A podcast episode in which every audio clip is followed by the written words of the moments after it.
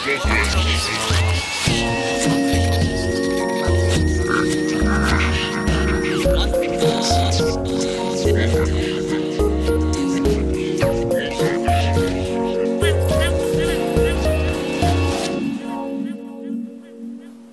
dit te vertellen,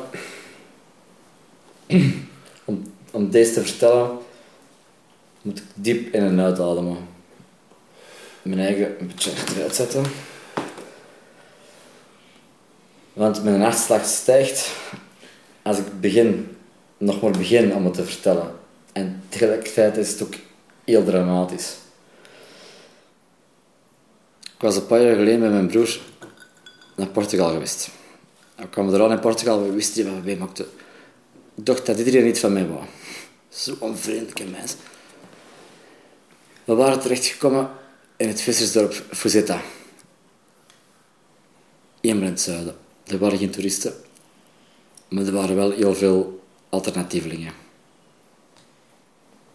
Het was toen in dat jaar dat de Eyjafjallajökull, eh, die vulkaan, is uitgebarsten in IJsland. Ik zat toen met onze Kevin in Portugal, in de Algarve. Doordat de vulkaan uitgebarsten was, konden we niet naar huis. Ondertussen waren we al één meer dorp daar. Had al gedanst in de cinema, plaatselijke cinema. We waren al naar Spanje gereden om in een bewaakte burcht illegale dingen te gaan halen voor andere mensen. We waren echt al één van de schooiers, van de vissers van dat dorp, helemaal in het zuidelijke. En ik had Elke leren kennen. Elke, Elke was een Duitse, die was toen 62 jaar. Elke was echt een dikke Duitse, een meter 65 ongeveer, met lang roze lang roze haar. En bovenop dat lang roze haar droeg hij altijd een leren petje, een leren baseballcap. En die was omzwachteld met luipaardenhuiden. Zeer grote borsten, terwijl, hoewel ik een fan ben van kleine borsten, maar zeer grote borsten. Sie hatte ganz, ganz dicke, dicke Titten. Dicke Titten, die doll witten. Ich stell mir vor, ich fahre Schlitten auf ihren dicken Titten. Sie hatte ganz, ganz dicke, dicke Titten. Dicke Titten, riesengroß. Und wenn ich an die Titten denk, geht's in meiner Hose los. Ze liep echt zo rond. Met botjes aan, omzwachteld met luipaardenhuiden, dikke ditsen, hop. En die danste heel, heel astronomisch. Ik weet niet, speciaal, shamaanachtig of zo, maar toch met de Duitse strakheid. Die leek wazig, maar ze was het niet en toch wel. Die was altijd mee, echt. En zeker met ons was hij heel goed mee. We snapten elkaar heel goed. En op een dag zei hij...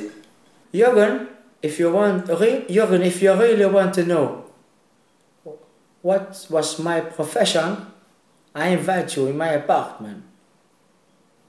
You're my guest. Ja, kom, ik, hij zei, ik zei... Ja, yes, uh, okay, Elke, okay, we can do it. But um, my brother, I don't want that my brother knows anything about it, eh? You are my guest. You are one of us already.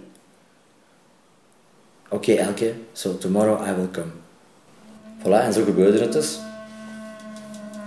Ik belde aan, ik ging naar boven, ik kwam binnen en er stond van die esoterische muziek op. Van die gypsy-achtige esoterische muziek. En er waren wierookstokjes aan het brennen.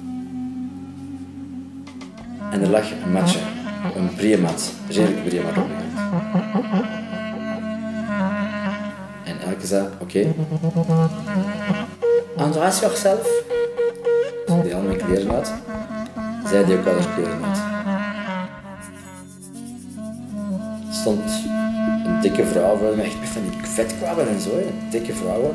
In haar ondergoed, in haar wit ondergoed. En ik in mijn boxershortje naar genomen. Ik legde me neer dat match. Wat er toen is gebeurd, hoop ik dat ik ooit in mijn leven ooit nog eens mag meemaken.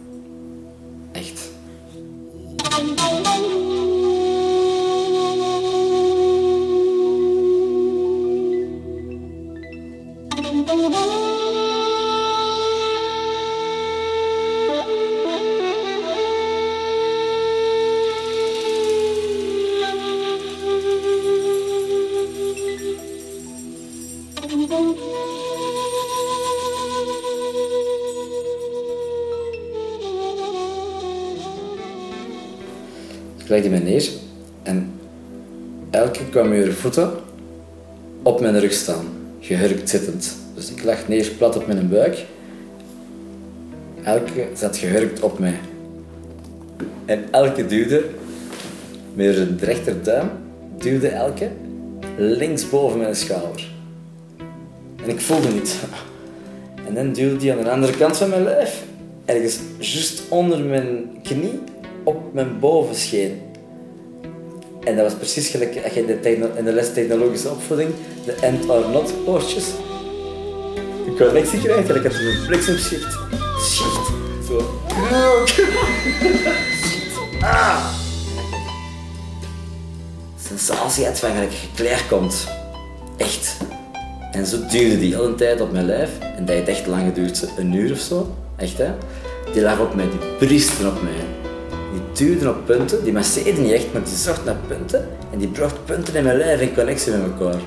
En dat was niet normaal wat hij met, deed, met mij deed. Echt. Niet normaal.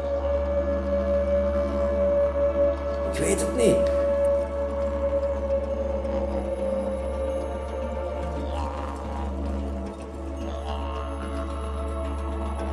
En dan op een bepaald moment had ik echt, ik weet niet hard te stijgen. Zo sensueel geworden. En ik draaide me om. En die zat bovenop mij. En uh, die nam mijn, mijn uh, onderbroek en mijn broek uit. Zij deed haar broek uit. En ze ging terug op mij liggen. Zo. En uh, ja, mijn, mijn piemel, die zat echt zo in, half in haar, in zo half. Was nog voor bezig, maar we keken toen ook de eerste keer naar elkaar, na een uur en een half. En het uur en een half de ik die niet gezien en ik lag plat op in een buik. Dus dan keek ik naar Elke. En hadden we echt zoiets van, oh, oké, het is genoeg, hè. het is goed geweest, hè. echt hier de seks hebben. En dan uh, stonden we recht en dan zei hij, now good, now you know, now you know what was my profession.